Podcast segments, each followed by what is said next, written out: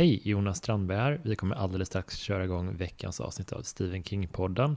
Innan dess har jag ett kort meddelande och det är att om du tycker om den här podden, tycker det är en trevlig podd på något sätt, eh, lyssnar ibland, så får du hemskt gärna gå in och stötta den med en liten slant på patreon.com snedstreck Strandberg. Och eh, det kan du göra med en så liten summa som 30 kronor i månaden. Och om du stöttar podden med valfri summa så eh, får du dessutom en gång i månaden ett avsnitt där jag pratar om en av Stephen Kings eh, sämre filmatiseringar med en rolig gäst. Och redan nu finns det två avsnitt ute om The Dark Tower, filmen då, och Gräsklipparmannen.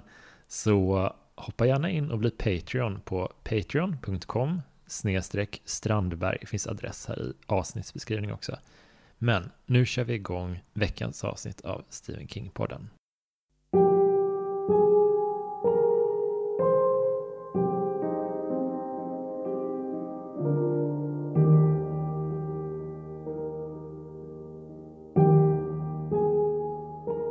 Hej och välkomna till Stephen King-podden med mig, Jonas Strandberg, där jag varje vecka har med mig en gäst och eh, pratar om en av Stephen Kings väldigt, väldigt, väldigt många berättelser. Och med mig den här veckan har jag Hans-Åke Lilja. Välkommen hit! Tackar, tackar! Och du är med oss på länk den här veckan. Väldigt eh, kul att ha med dig egentligen. Vi har ju pratat eh, om det här länge och försökt att synka och funderat länge. Vilken bok ska vi prata om och sådär. Ja, Ja, det är jättekul att få vara med. Jag har ju lyssnat på de tidigare avsnitten så att det, det är spännande. Vad roligt att höra. Vad, kan du, vill du berätta lite om din relation till Stephen King? För den vet jag är ganska speciell. Eh, ja, precis. Jag har ju läst Stephen King i ungefär 40 år. Eh, jag tror det blir 40 år nästa år. Jag driver en webbsida om, om honom som jag har drivit i 26 år. Jag har gett ut tre olika böcker med knyt, anknytning till honom, eh, varav den senaste faktiskt översatt på 16 olika språk i 36 olika utgåvor. Lite kul.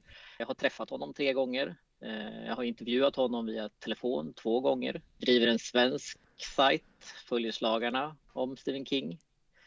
Ja. Men utöver det så är det inget speciellt? Nej, nej, det är lite sådär. Jag får lite tid över.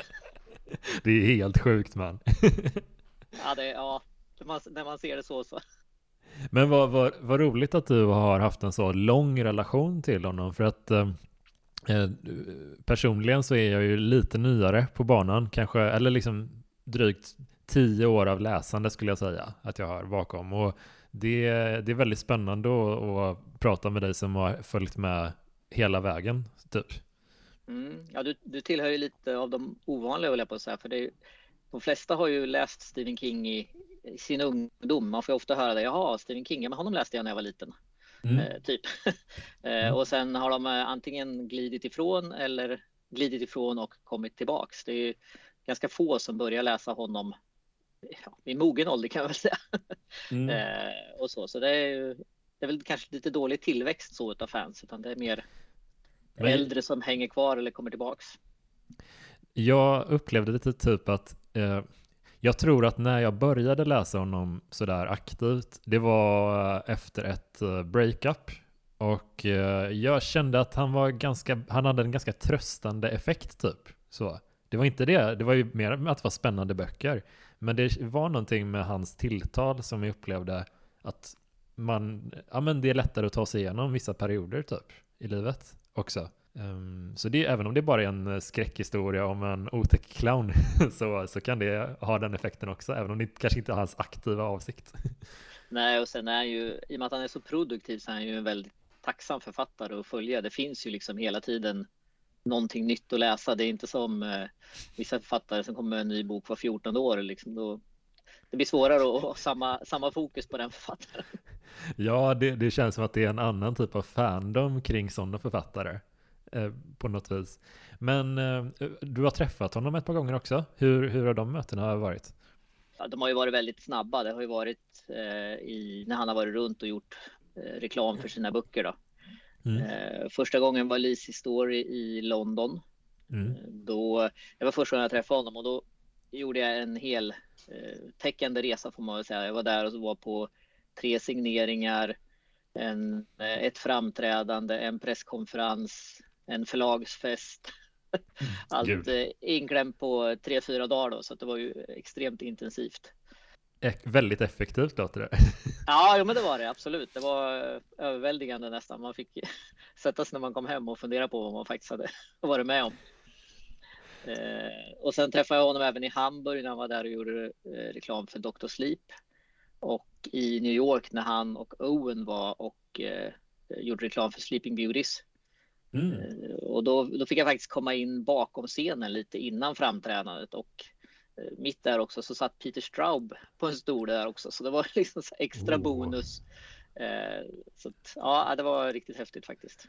De är, han, Peter Straub, om man inte är bekant med honom, han har ju skrivit, tillsammans med King, har ju skrivit Talismanen och Black House. Och eh, de är alltså goda vänner privat, eller de umgås lite?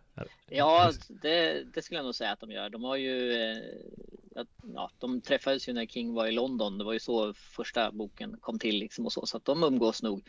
Sen eh, åker de väl lite över till varann en gång i veckan så där, men, men Mm. de gör det. Och varje gång de, de är på samma ställe och en bild tas, då kommer ju ryktena att nu, nu skriver de Talismanen 3. Äntligen! Hoppas, hoppas. Men eh, Peter Straub har ju gått ut och sagt ganska tydligt att det förmodligen inte kommer bli en tredje bok. Så att, eh, Tråkmåns. Ja, precis. Han känner väl inte att han kan hålla upp eh, tempot som King skriver med så att han. ja, ja det, Det kan ju sig ingen. Nej, men eh, eh det, finns så himla mycket vi, eh, jag känner att vi, vi, du måste eh, gästa på den någon gång till känner jag. För att det finns så mycket du har varit med om eh, gällande King som man kan prata om. Bara för att tisa en grej så har du till exempel sett eh, eh, piloten av Dark Tower-serien. Det är ju det, är ju det sjukaste jag har hört. Jag visste inte att, typ, att någon hade sett den. Ja, och det värsta är att den var jäkligt bra också. Så att det, var- det är lite så här nu när, när alla är så glada över att Sagan om ringen-filmen kommer på, på eh, Amazon där så tänker jag mest på att fan, det var den de gjorde istället för Dark Tower. Just det, för den skulle också ha gått på Amazon. Eller Ja, precis. Ja, och sen så ja, hade de väl inte råd att göra alla då, så att de valde väl den då istället för Dark Mm. Tower. Då. Så det var, ja, det är synd, riktigt synd. Ja, man blir... Men, men kan, kan vi inte ha ett specialavsnitt om den, det, den piloten någon gång? Absolut. Det var roligt. Eh, för idag så ska vi prata om en väldigt, väldigt färsk eh, roman. Så färsk att den inte ens har släppts riktigt än. Men den kommer ha en dag... Eh, när vi släpper det här avsnittet så kommer den att ha släppts dagen innan. Så. Eh, och det är eh, Fairytale, eller en saga som den heter eh, översatt i Sverige. Den kommer släppas både på engelska och svenska samtidigt i Sverige. Vilket är lite kul. Vad, vad har du haft för... för ja men är, det, är det vanligt du som har... eh, ko- Nej, det, det är faktiskt eh, Bonnier som ska ha cred för det. De har gjort så med några böcker nu att de har släppt dem antingen samma dag eller ett par dagar efter bara. Förut kunde det ju gå månader. Så att, eh, det är Mm. jättekul. Det är också, innan vi kastar oss in i boken, så eh, om man bara ska säga något ord om översättningen, så tycker jag att den är riktigt, riktigt bra. Jag tycker den, den är väldigt så trogen Kings ton. Så att om man eh, har funderingar kring att ska jag läsa den engelska eller svenska, den svenska är ett utmärkt alternativ, skulle jag, skulle jag säga i alla fall. Jo men absolut, det är ju John Henry Holmberg som översatt. och Han är ju ett, stort King-fan och jag vet ju att han, han har ju, jag har ju pratat med honom om, om vissa detaljer och sånt där så att han är ju verkligen mån om att, att det ska bli rätt. Så Mm. att, Ja, shoutout till John Henry. ja. Men eh, okej, men ska vi bara hoppa in? Om man så här eh, inte har läst den här boken, vilket är rimligt med tanke på att den är väldigt, väldigt färsk. Så vi kommer prata om den ganska spoilerfritt till en viss punkt och sen så kommer vi säga nu behöver du pausa tills du har läst boken om du inte vill bli spoilad. Så att det här avsnittet går att lyssna på för alla, eh, även folk som inte har läst boken. Så. Ehm, men vill du eh, kort berätta om eh, plotten, liksom, handlingen i boken? Ja, eh, just det här med spoiler bara. Det är ju otroligt svårt att veta vad som är spoiler och inte. Jag är ju sådär nästan så jag vill, Mm. jag vill inte veta någonting och då, då borde man ju stänga av nu i sånt fall. Men, men ja, vi börjar väl lite får vi se vart vi, vart Ja. vi hamnar. Ja. Ja, vi får ju träffa Charlie, en eh, 17-årig amerikansk kille som ja, till början i alla fall framstår som ganska helylle. Ehm, vars eh, mor dog när han var liten och vars eh, far då hamnade i eh, svåra alkoholmissbruk. Så att han har haft en, en tuff uppväxt. Och eh, pappan eh, efter många om och men kommer ur det här alkoholmissbruket och eh, något som han är extremt glad över då förstås eh, efter att ha varit mer eller mindre skötare till pappan då i några år. Mm. Ehm, han är ute en kväll och hör en hund som skäller eh, och eh, det visar sig att det då är den hemska hunden som alla tror, eh, mm. som eh, skäller då vid deras psykohus i stan som de kallar det, skräckhuset. Och det är då ägaren Mr eh, Bowditch som har trillat ner från en stege helt enkelt och bryter ja, om det låret, lårbenet eller någonting så här i alla fall, så han tar sig inte upp. Och mm. hunden då försöker påkalla hjälp då. Mm.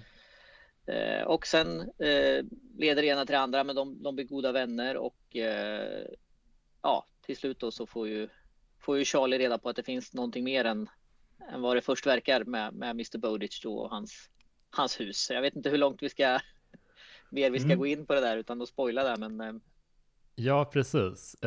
Men vi kan prata lite om deras relation. Det kan man göra utan att det blir för spoiligt. Mm. Eh, det som jag fastnade väldigt mycket för var hur eh, King porträtterar eh, Charlie. För att han är inte en, han är inte en klassisk loser eller ett mobboffer. Han är en ganska men, atletisk idrottskille. Det är roligt tycker jag. Att, han, att man, man får se en, en godhjärtad jock lite på det mm. viset. Det, det, känns inte helt vanligt uh, av, av de böcker jag har läst i alla fall, som han har skrivit. Eller generellt. Det brukar alltid vara de som är mobbarna eller lite dumma i huvudet. Typ. Men eh, det som är så fint är hur boken eh, ändå på något sätt hyllar go god, goda drag i människor.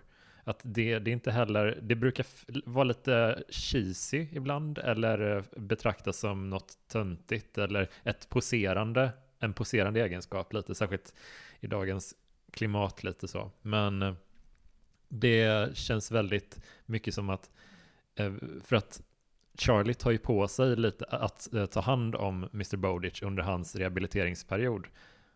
Och förväntar sig inte någon ersättning eller sådär, utan han bara, det, det är min plikt lite nu, det är mitt ansvar att göra det här. Och ja, vad, vad känner du om den biten? Jag är, jag är så himla nöjd att King får fram en anledning till varför han gör det. För att det finns väl egentligen ingen, ingen 17-åring, åtminstone inte som jag har träffat, som tar på sig massa extra jobb sådär bara. Nej. Det är kul. Så att, men eh, i det här fallet då så har ju, han tycker ju att han har gjort en, en deal med, med Gud då, att om, om han hjälper pappan att att bli fri från sitt alkoholmissbruk då, så, så ska han liksom eh, göra någonting gott och som han inte, eh, ja vid tillfället när han lovar det, vet egentligen vad det är för någonting. Då. Men så dyker det här upp då och han, mm. han känner liksom att här är min chans att betala tillbaks då och, och samtidigt så gör inte så kanske pappan hamnar tillbaks i, i det här missbruket. Då. Så jag, jag, tycker ändå att det, det, är väldigt bra att det finns den motivationen där som driver. För annars hade det blivit lite så här, varför gör han det här? Det, det känns inte riktigt normalt att göra så bara, bara sådär liksom. Nej, jag har jobbat som personlig assistent eh, vid, i, i flera år och det finns ju personer, särskilt eh, yngre personer som kommer direkt från eh, gymnasiet typ, som börjar jobba som, som personliga assistenter. Man märker att de inte riktigt har hjärtat i det, om man säger. Det finns jätteduktiga assistenter i den åldern också, men det, om man ska hårdra det lite, mm. det är inte någonting folk eh, drömmer om i den åldern eller liksom engagerar sig speciellt mycket med. Nej. Så då är det lite extra fint att se, för man köper ju den motivationen, en motivation hos Charlie, att det, okej, okay, jag är öppen, det här kanske är det Gud vill att jag ska göra i gengäld. Eh, jag ska hjälpa den här mannen och komma tillbaka och, och ta hand om hans eh, gamla hund eh, Radar. Vilket jag, alltså det, jag har ju hund, hund själv. Har du hund? Nej, jag har inte hund. För, för jag kände så, jag, min, min hund är bara tre och ett halvt år gammal och en tax, så han är betydligt mindre än den här stora elak, elaka chefen inom citationstecken. Men jag fick så, jag ömmade så fruktansvärt mycket för hur han gestaltar den hunden och hundens relation med både Mr. Bowditch och med Charlie. Mm. För det är så, det, det, är inte ett förmänskligande, det är inte så här Disney-hund, utan det, det är en rikt, man märker att han har hund själv kring och att han har hundar omkring sig, att han är väldigt bra på att gestalta deras egenskaper och hur de tyr sig till människor och hur de kan öppna upp sig lite mera eh, och acceptera nya människor på lite motvilligt ibland, men att de, ja, hela den processen är väldigt fin på något vis. Ja, precis. Ja, det håller jag med om. Det finns en grej som berättas ganska, eller nämns ganska tidigt i boken, så det, det är okej att nämna tycker jag. Och det är hur, eh, när Charlie skriver lite om hunden Radar innan de har börjat lära känna varandra, då finns det ju som du var inne på den här skräckbilden att det här är en riktig monsterhund. Mm. Att de då, eh, eller Charlie då nämner att ja, men det är lite som i den där eh, Cujo-hunden. Eh, I den där boken eller filmen, ja filmen precis. Ja. vad, vad tycker du om att King placerar sin egen fiktion i sin fiktion på det sättet? Jag tycker det är jättekul. Eh, mm. Alltså alla de här uh, kopplingarna som finns.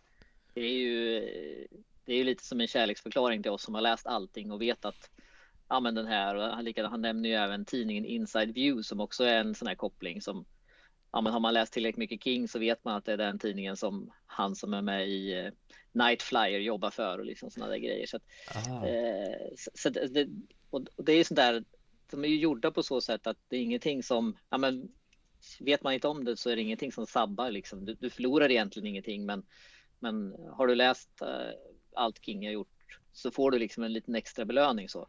Mm. Det, det som är lite tråkigt med det, eller andra sidan av myntet kanske är att alla förväntar sig, alltså förväntningarna på den här boken till exempel var ju att det skulle vara en Dark Tower-bok eller Talismanen-bok och, och sådär, att det skulle finnas massvis med kopplingar till, till den då.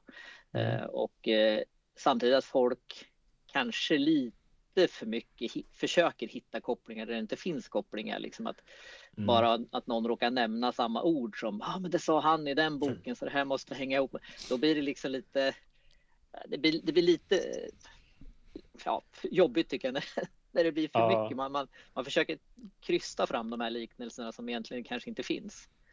Jag förstår precis. Uh, om man jämför med till exempel i Pet Cemetery, djurkyrkogården, då omnämns ju händelserna i Cujo som faktiska skeenden. Det var någonting som hände för flera år sedan.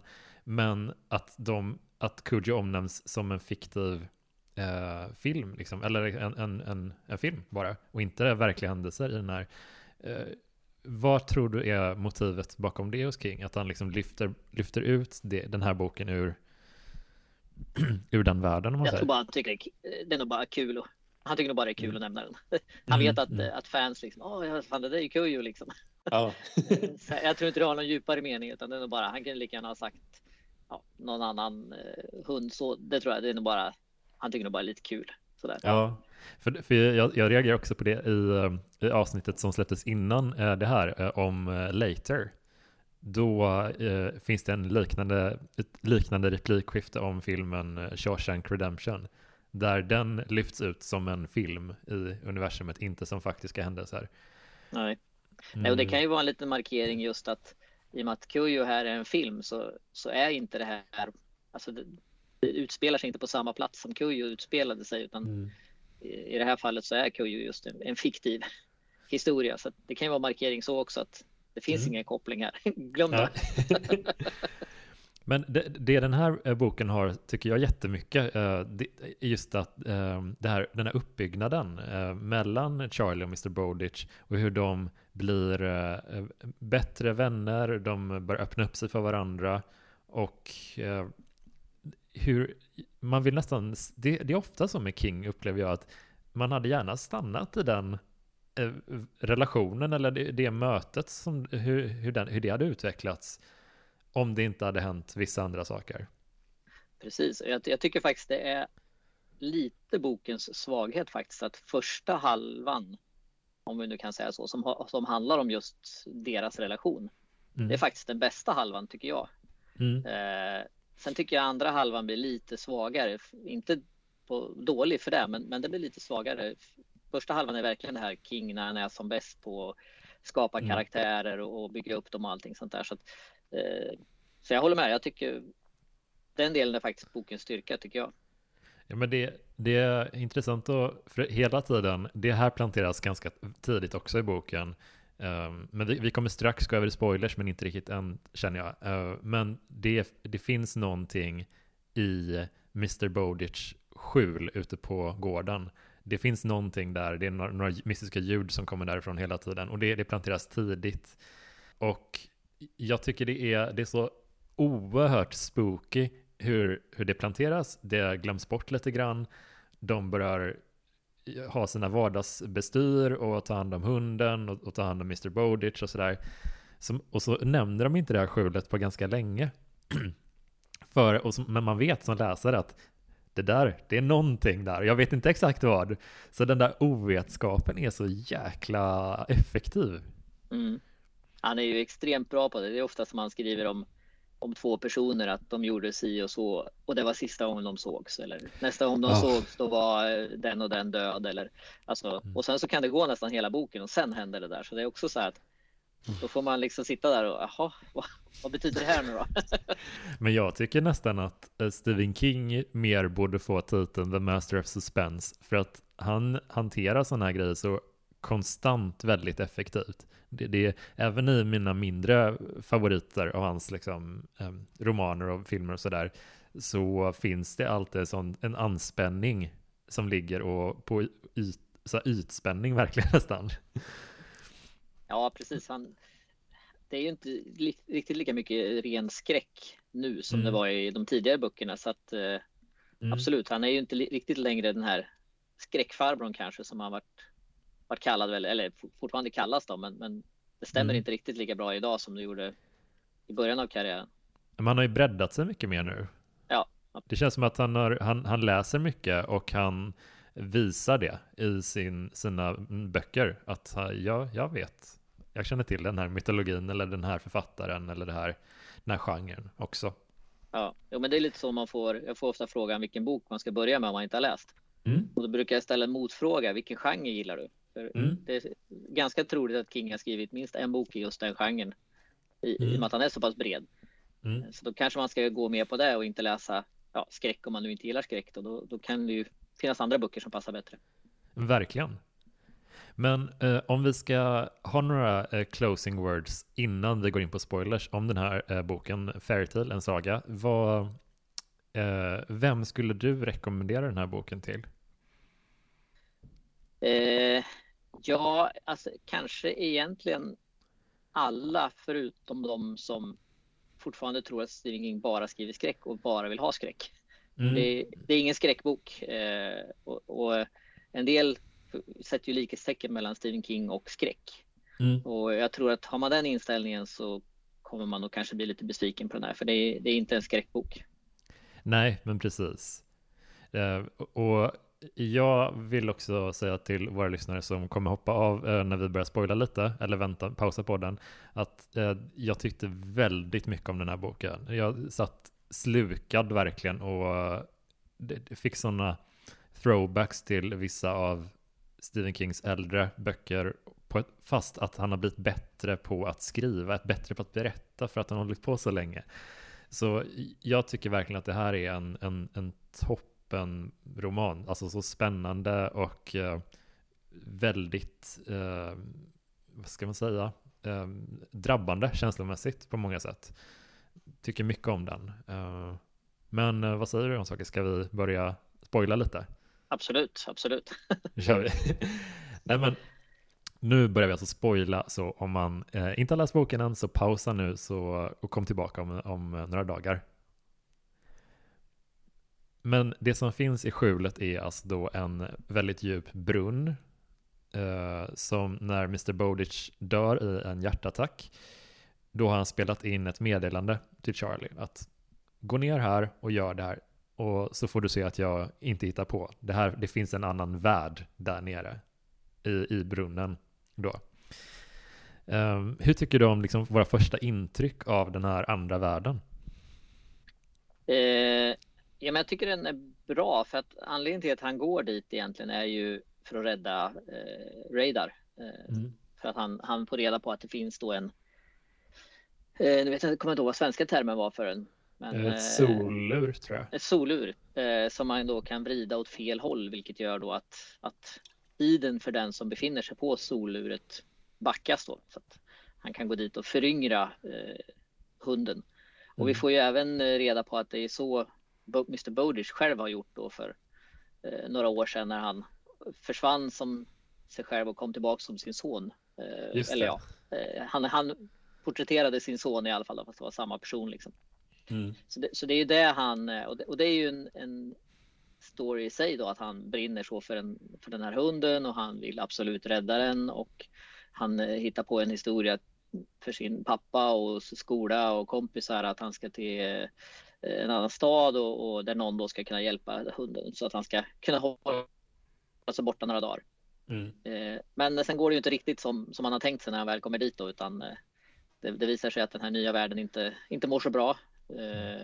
Det, folket som bor där har eh, fått någon, någon, form av eh, sjukdom så att deras ansikten börjar liksom hänga och ja, det är nästan så att de smälter, smälter skulle man kunna säga. Och, mm. och det visar sig ju att, att det finns en, en, en elak kung där då som, eh, eh ja, som, som förstör hela stället egentligen, mm. Eh, kan man säga.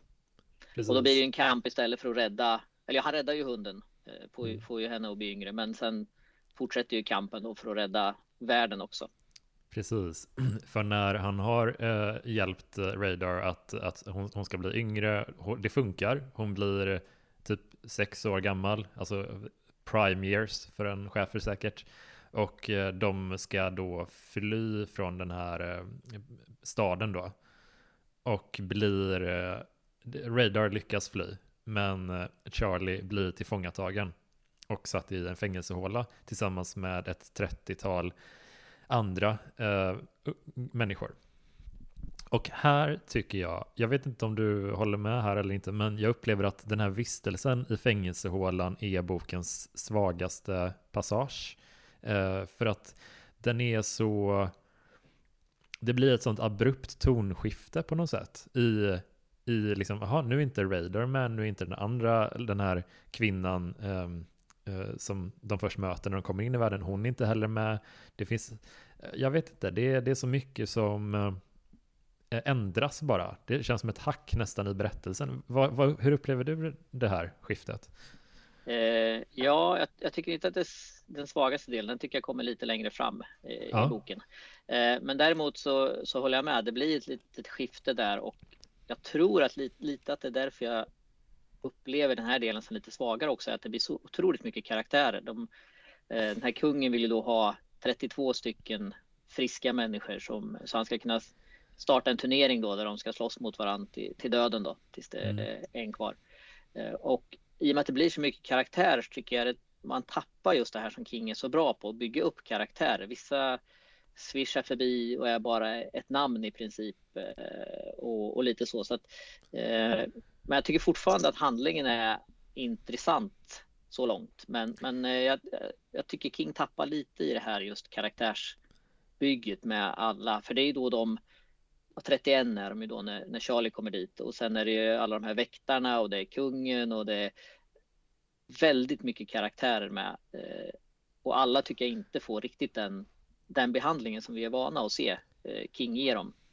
Nej, och det känns också som att eh, King är medveten om att nu vet jag, det är väldigt många nya personer inblandade här eh, och eh, i och med att Charlie skriver då berättelsen och Charlie säger att ah, jag förstår nu, eh, att det blir mycket, många nya namn för dig som läser det här men jag måste berätta att de finns också typ.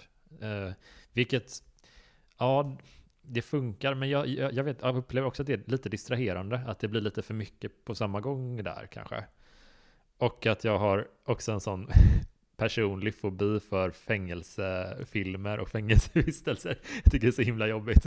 Så det kanske man ska ta i beräkning också. Um, för det är inte, det är ju inte dåligt så, men tempot förändras drastiskt när de blir, hamnar i den här fängelsehålan. Så. Um... Sen, sen, gillar jag just den delen när de faktiskt börjar fightas mot varann och, och det är inte det här eh, amerikanska lyckliga som man ser i vissa filmer utan det är faktiskt eh, hälften av dem stryker med och en del då som eh, som hans rumskamrat som redan är eh, ganska illa däran och som man tycker synd om och faktiskt är en av de karaktärerna som man liksom brinner för. Ja, mm. Han stryker ju med då, vilket, vilket är ju helt naturligt och känns helt rätt. Men, men eh, hade det varit, hade det varit en, en amerikansk film, då hade han ju på något sätt eh, klarat sig. Ja. Men här är det liksom lite mer svart realism eh, och så. Och det, det, det, det är jag glad över att King väljer det spåret. Det är ju väldigt skoningslöst på något vis hur de hanterar de här människorna och att ja, de förstår själva att vi kan inte, vi kan inte gadda ihop oss riktigt än. För, vi, för de här fängelsevakterna, de har också någon typ av, de är någon sorts odöda eh, människor eller varelser och de, de har någon typ av elektricitet runt sig så att om man råkar vidröra dem får man en kraftig stöt. Så, så um, men eh, Okej, okay, du var inne lite på eh, Kings andra verk i, precis i början av avsnittet. Och kopplingar och förhoppningar om kopplingar och sådär. Generellt, eh, vilken av Kings tidigare romaner skulle du säga har mest gemensamt med eh, Fairytale? Eh, ja, det blir ju eh, Ice of the Dragon, Draksögon och eh, Talismanen skulle jag säga. Ehm, men kanske, Talismanen är väl kanske mer just för att den utspelar sig i en alternativ värld. Eh, mm. Kanske mer än, än handlingen i sig. Eh, och Drakens ögon är väl då för att det blir ju lite medeltidskänsla, vilket man även får här då. Men, eh, mm. men de har ju ingenting med varandra att göra kan vi ju säga. Det, det finns Nej. inga kopplingar alls. De nämner några fraser från, från Dark Tower och de nämner Kujo och de nämner Inside View. Men det är liksom det är de kopplingarna som finns. Så att, mm. Eh, jag, jag det, kände... det, är en väldigt, eh, väldigt kopplingsfri bok. det är faktiskt det. Det är en ganska bra in, inkörsport, om man säger, till King på det viset att man inte behöver ha någon förkunskap. Och, eh, men det var en grej som jag reagerade på, och det kan vara önsketänkande såklart, men Eh, jag tänkte såklart för att eh, eh, Charlie kommer ju första gången han kommer ner i den här världen så, så kommer han beväpnad med Mr. Bowditch stora revolver. Så han, går, han, han är liksom beväpnad med revolver, han kommer in i en annan värld. Och eh, den, min bästa detalj, det är hur eh, ganska tidigt när Mr. Bowditch har, har dött i hjärtattacken, då blir eh, Charlie utsatt för en inbrottstjuv som försöker råna honom på Mr. Bowditch eh, guld då, som har, det har läckt ut att han har guld hemma hos sig. Då lyckas eh, Charlie övermanna den här inbrottstjuven och bryter först den ena handen på honom och sen den andra handleden. Eh, på samma sätt som Roland i den första Gunslinger bryter båda händerna på en angripare. Jag kommer inte ihåg vem det är, men det är väldigt tidigt i första boken.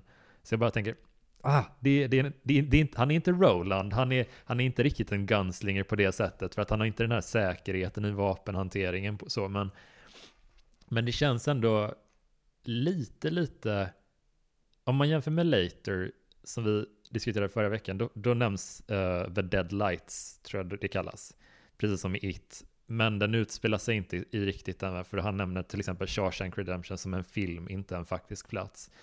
Eh, här har vi Cujo är en film, inte en faktisk hund. Eh, jag känner lite att Stephen King börjar leka lite med multiversum om man, ska, om, man, om man bara har de här två exemplen. Det hade varit kul med ett till. Men att han kanske känner att det är inte i, min, i mitt vanliga universum, men det finns parallella världar. Och, och mellan dem, precis som i Dark Tower, nämner han mycket om att det finns parallella världar och beröringspunkter dem emellan och sådär. Um, ja, men det är min hobbyteori bara. ett, färgad av ett oerhört önsketänkande. Men uh, ja. Ja, eh, jag, jag, skulle nog säga att det är ett önsketänkande. Ja. men eh, det, det, är bara, alltså, och det, det, är väl lite så också. Jag menar, var och en får ju, får ju ha sin åsikt och sin, vad man, vad man, hur man kopplar ihop saker och ting. Eh, det är ju egentligen bara King som vet om hur det ligger till. Mm. Men eh, jag vet inte. Jag, jag, jag brukar välja att hellre fria än fälla, höll jag mm. på att säga.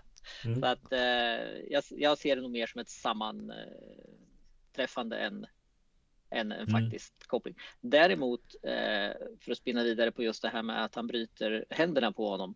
Mm. Där tycker jag King gör väldigt bra för att eh, som vi, vi, nämnde tidigare så är ju Charlie en, en, en väldigt snäll karaktär, god mm. Men man märker ju även som, som när han bryter hans händer. Han, han tycker ju ändå någonstans lite att där fick du vad du förtjänar liksom. Han, han är inte bara ångerfull och likadant märker man ju det när han, eh, när han är i, i den andra världen då. Att han har en, en liten elak ådra eh, mm. också. Eh, där han kanske väljer det onda istället för det goda, även om det inte är att förstöra en värld, men, men ändå liksom små val där som eh, han, den här andra eh, killen där som plågar eh, syrsan där. Han, mm. han eh, ah, kanske skulle ha, ha skjuten i alla fall liksom, eller och så. Så att han, han har ju en, en mörk sida också. Vilket jag tycker ändå är bra. Han, han blir lite mer tredimensionell då. Den, den, är inte så stor den mörka sidan att man börjar ogilla honom, men den gör honom ändå mänsklig på något vis liksom att han är inte ett helgon rakt Nej. igenom utan Nej men verkligen inte. Och, och dessutom hur, jag, jag, tycker verkligen om hur King eh, planterar sådana små, ja men vad ska man säga, förbjudna tankar, eh, små dumma val som vissa gör, alltså dumma som i, fan det där skulle jag, ja det där var inte bra, eh, sådana grejer. Att han förmänskligar dem på ett väldigt eh, tilltalande sätt. Så. Men eh, okej, okay, vi, eh, vad, vad var jag tänkte på? Jo, King har ju eh, en stor kärlek för H.P. Lovecraft också.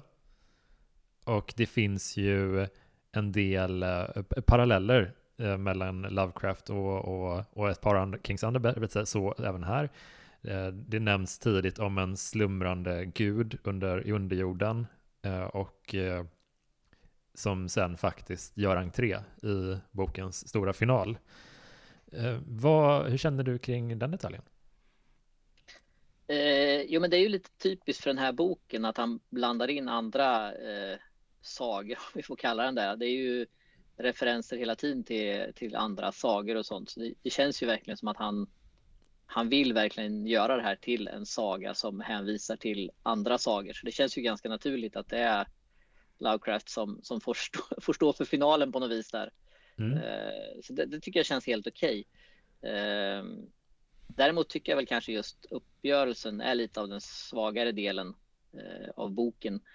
Eh, jag, jag, kände lite när jag läste att man kan dela upp boken i tre delar egentligen. Den första är innan han beger sig ner till världen. Mm. Den andra är när han är i fängelse och fighten och hela den delen. Mm. Och, och de till slut då lyckas fly från staden. Och den tredje är liksom själva nu ska vi befria världen delen upproret verkligen. Ja, precis. Och, och det är väl den sista delen där som jag tycker är lite svagare. Jag, jag kanske, kanske till och med skulle vilja gå så långt så att jag önskar att King hade strykit den delen. Att, att, att när, när, han flydde därifrån staden, japp, nu är jag räddad, fort som fasen tog sig hem. Mm. Eh, och sen att man kunde liksom ha byggt vidare på att han visste att den där världen fanns där nere. Han visste att den här elaka kungen och, och allt det här fanns. Och, och, och på något vis eh, att Charlie får handskas där med den här ångesten över att, att han just har fegat ur och dragit hem eh, istället. Eh, mm. Jag vet inte. Jag tyckte den blev lite långdragen den här fighten när de tar sig in i stan igen och hela den biten. Ja, jag förstår delvis vad du menar, men jag, jag håller inte med till 100%. Jag tycker kanske att de borde ha speedat upp eh, processen med att ta sig, ta sig till den här mörka brunnen som nämns eh, väldigt tidigt också, där kungen då sägs ha hämtat krafter för att eh, få makt och, och, det har också eh, eh berövat honom på en del av hans själ. Typ. Men just transporten ner i underjorden jag vet inte, kanske att den hade kunnat gå lite mer, ja, trimmats lite grann.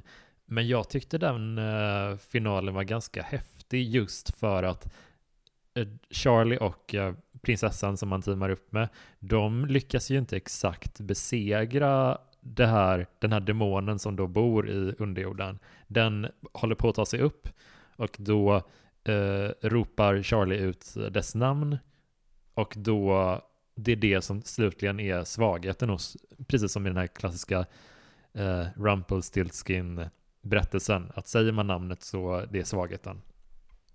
Utan det som händer är ju att demonen drar sig tillbaka och de lyckas försluta den här brunnen. Men demonen är ju kvar där nere.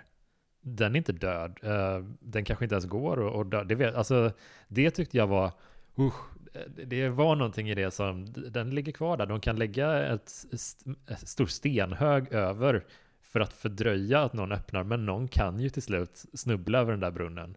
Mm. Oj, ja, ja, och så vet de ju inte det här med, för det var ju när när mån, de, de två månaderna, mån, månaderna, säger man så, mm. månaderna, eh, som den här världen hade då, de hade ju två istället för en. Eh, när de precis passerar varandra, det var ju enda tillfället som den här demonen då kunde ta sig upp. Och nu krockar ju de och, och förstördes, så att det är också där. Mm. Det kanske var nyckeln som låste att, att den inte kan komma upp. Det är sant, det är sant. Uh, men bara det att den, den existerar.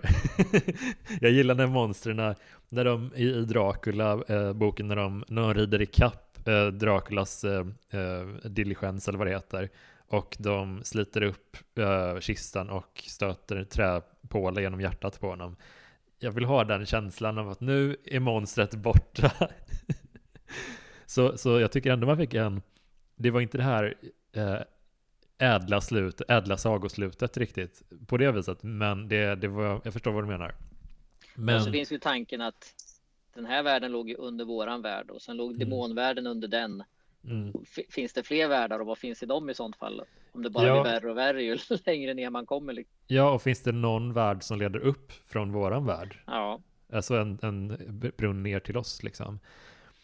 Men det, det här känns som att King skulle kunna göra flera besläktade romaner på, på den här premissen att det finns, för jag tyckte så mycket om hur den kändes, jag läste väldigt mycket Narnia när jag var liten framförallt och jag tror den första som jag läste var min morbror Trollkaren som är den första kronologiskt men den skrevs lite senare.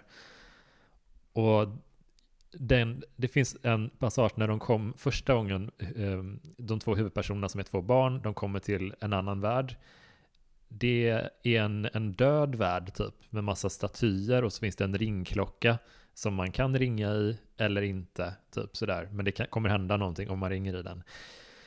Och det var så mycket sådana vibbar från den, den här döda världen som jag fick av först när, när Charlie började ta sig in i den här parallellvärlden då. Så det är så, sån otrolig barndomsnostalgi på något vis. Och att det var första gången jag kände lite, lite ångest av en bok när jag läste Min morbror Trollkarlen. um, vad har vi mer? Har vi några mer paralleller till andra böcker som du, som du märker? Eller andra eh, sagor och sådär som du, som du fastnade för? Ehm, ja, det var ju massa, nu kommer jag inte på någon på rak arm, men det var ju massa sagor som, som King kopplade till och hänvisade till och så. Så att det, det var ju det var ju uppenbart att han ville skriva en, en bok om sagor, en fairytale. Eh, mm. Ja men det är mycket så här klassiska eh, Grimm, bröderna Grimm-referenser och sådär, som klassiska folksagor typ. Men sen när, när, när Charlie då lyckas med bedriften att eh, eh, vad ska man säga, besegra eh, den här demonen och ta sig hem till slut, då har det gått fyra månader från, från det att han gick ner och det, det är det läskiga för att för man visste inte exakt hur lång tid han tillbringade nere i den här andra världen. Och jag tänkte hela tiden på hans pappa, hur reagerar han nu, vad, vad tror han har hänt? Och hur lång tid har det gått? Skulle det vara en sån eh, grej att när han kommer upp igen så har det bara gått fyra timmar eller någonting? Det hade ju också kunnat vara en, en grej att, att tiden an, funkar annorlunda, typ. Men nej, nej, det, det har gått jättelång tid. ja, det känns ju ungefär som att de har ett till ett i tid. Ja. Eh, där. Det är inte, inte som i när 11, 22, 63 när man alltid kommer tillbaks tre minuter senare eller fem minuter eller vad det nu är, några minuter senare bara. Just det. Men eh, det är, finns något väldigt fint i hur, eller det finns något fint, det är klart att det är fint när de återförenas med, men jag tyckte det var en sån, ett sånt tillfredsställande slut att han kommer tillbaka, han klarar sig, han, eh, hans pappa har inte börjat dricka igen. Det är också en farhåga. Ska han göra det när han inledningsvis har förlorat sin fru och nu kanske också sin son? Det, folk har börjat dricka igen för mindre saker. så. Ja, och det, det, enda, det enda där var väl kanske att om min son hade varit borta i fyra månader och kom hem och sagt att han hade varit i en annan värld, då hade ju inte jag väntat mig en vecka med att tvinga honom att visa den världen, utan då, då hade jag tagit på mig sko, skorna direkt och gått. Nu går vi ut. Han måste, han måste ha ett, ett tålamod som är utöver denna värld, pappan. Eh, som tar det lite i taget och han får väl se guldet först tror jag och sen eh, går de ner där.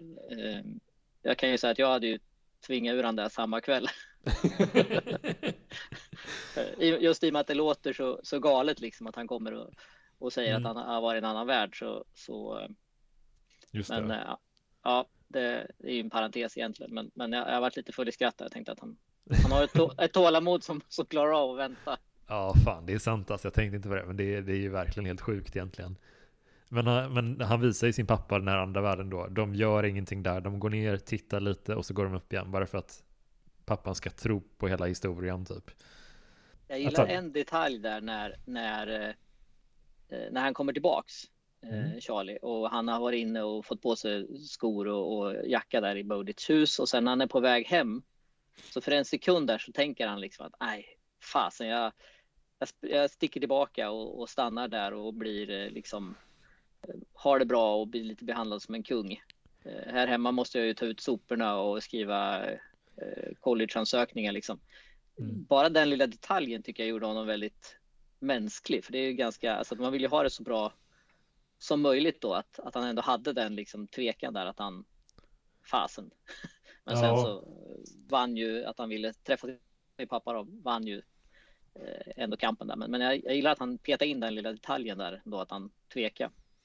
Jag tycker, jag är ganska intresserad av, eh, jag är inte troende själv, men ganska intresserad av religiösa paralleller och sådär.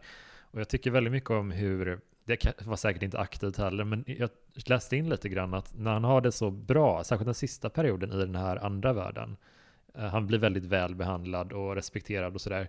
När han sen kommer upp då och det är snö, slask, det är deppigt, det är mörkt, då får jag lite känslan av att det finns en biblisk tolkning typ att eh, den, enligt den bibliska liksom, eh, kristna tron då så Jesus ska en dag komma tillbaka och då tar han upp alla som förtjänar det typ till himlen. Eh, det står inte specifikt vad jag minns att de andra kommer skicka, skickas iväg till helvetet eller sådär utan det är bara att de som är troende kommer komma upp, de andra blir kvar.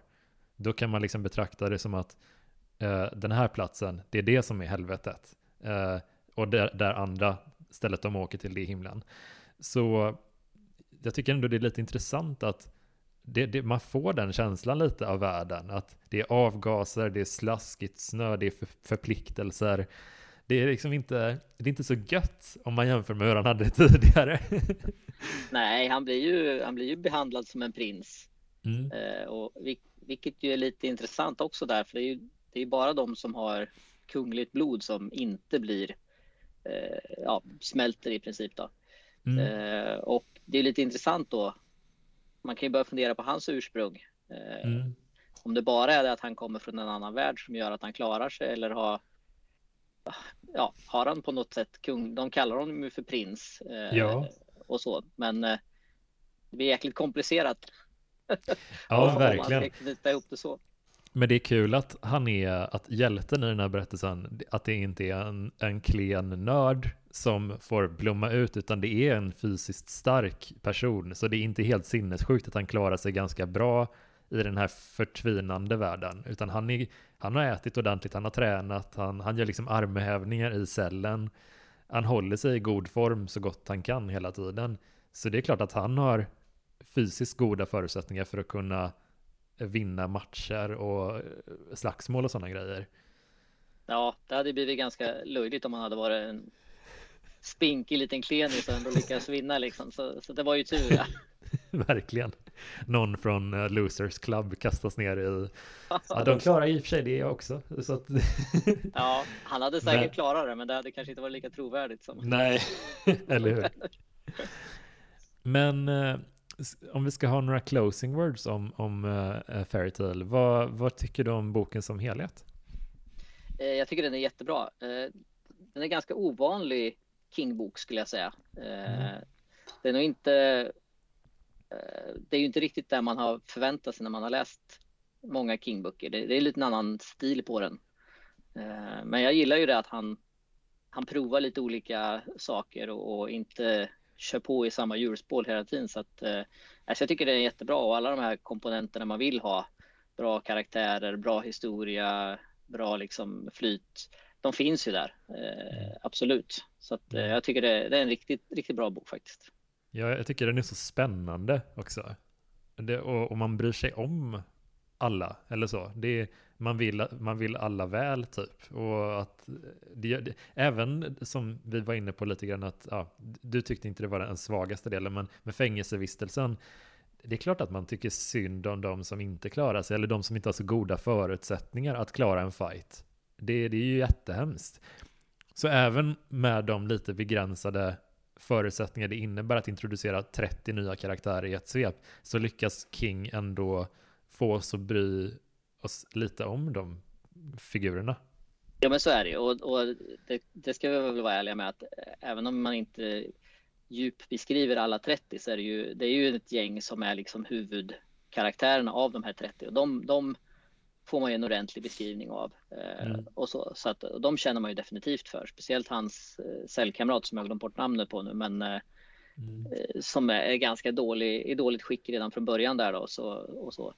Mm. och just det att många av dem där har ju, det är uppenbart att de har suttit tillsammans i det fängelset länge mm. och hunnit liksom, trots att de är fiender, ändå blivit kompisar för att de har blivit tvingade att, att vistas ihop i, i det här mörka fängelsecellerna. Då, så att, och det gör ju, sätter ju ytterligare en, en spin på just att nu ska de helt plötsligt döda varandra.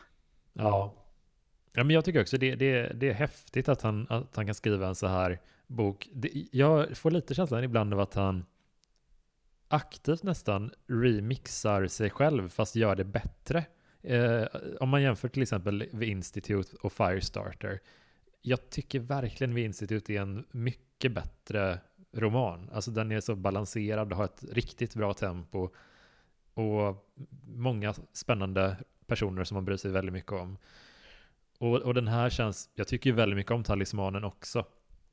Eh, men jag tycker nästan att den här har, den, känns, den här känns lite mera eh, ett, ett annat tempo, en annan självsäkerhet i skrivandet på något sätt. Att han, han vet redan precis vad vi ska från början på något vis. Men jag tycker inte illa om, alltså det, det låter som att man pratar ner hans äldre grejer, det är inte det jag menar, men, men det känns som att han, han återbesöker dem lite subtilt, de äldre romanerna, och försöker göra dem bättre och lägga ny smak i dem på något vis.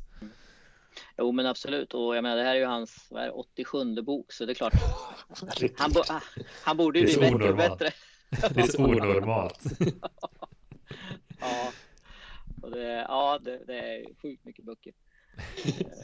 men, men... Eh, nej, men jag gillar den också och det, det är ju så. Han, han utvecklas ju hela tiden och, och, han skriver ju väldigt mycket om samtiden också. I och med att samtiden utvecklas så utvecklas ju han med den. Så att det är klart, det som var det stora och hemska under eh, Firestarter när han skrev den är ju kanske inte det stora och hemska idag. Så att det blir ju liksom förändringar, absolut. Jag tycker det var jätte, jättekul att prata om Fairytale med dig för att jag har, jag läste ut den för ungefär en vecka sedan och har inte kunnat, såklart inte kunnat prata, fått prata med någon om den. Det har varit så himla jobbigt. En recensents uh, ok att bära. Det, ja, det är hemskt. Vad man lider, eller hur? Buhu! Eh, men det var skitkul att snacka med dig och ja, verkligen. Uh, du får jättegärna komma tillbaka någon gång så kan vi prata om typ uh, Dark Tower-piloten kanske eller något annat, någon annan rolig novell eller roman eller vad som helst liksom. Det, Absolut. Vad kan man, du nämnde att du hade en, eh, Stephen King-sajt till det. Var, var kan man hitta den? Ja, den hittar man på liljas-library.com. Ja, ja men kanon. Eh, där hittar, sen finns den ju på Facebook och Instagram och Twitter och alla, mm. alla de ställena där man bör finnas. Ja, men fasen vad grymt. Ja, men då tycker man, eh, vi, vi pushar den lite i avsnittsbeskrivningen också och eh, så gå dit och kolla, det är en utmärkt sajt om man är intresserad av King. Eh, men tack så jättemycket för att du gästade och pratade om Fairytale. Tack för att jag fick vara med. Kul. Tack för att du har lyssnat och uh, om man eh, har läst den här boken eller läser den just nu så hoppa gärna in i eftersnacksgruppen på Facebook och uh, nörda loss och uh, ja, så hörs vi där. Hej då!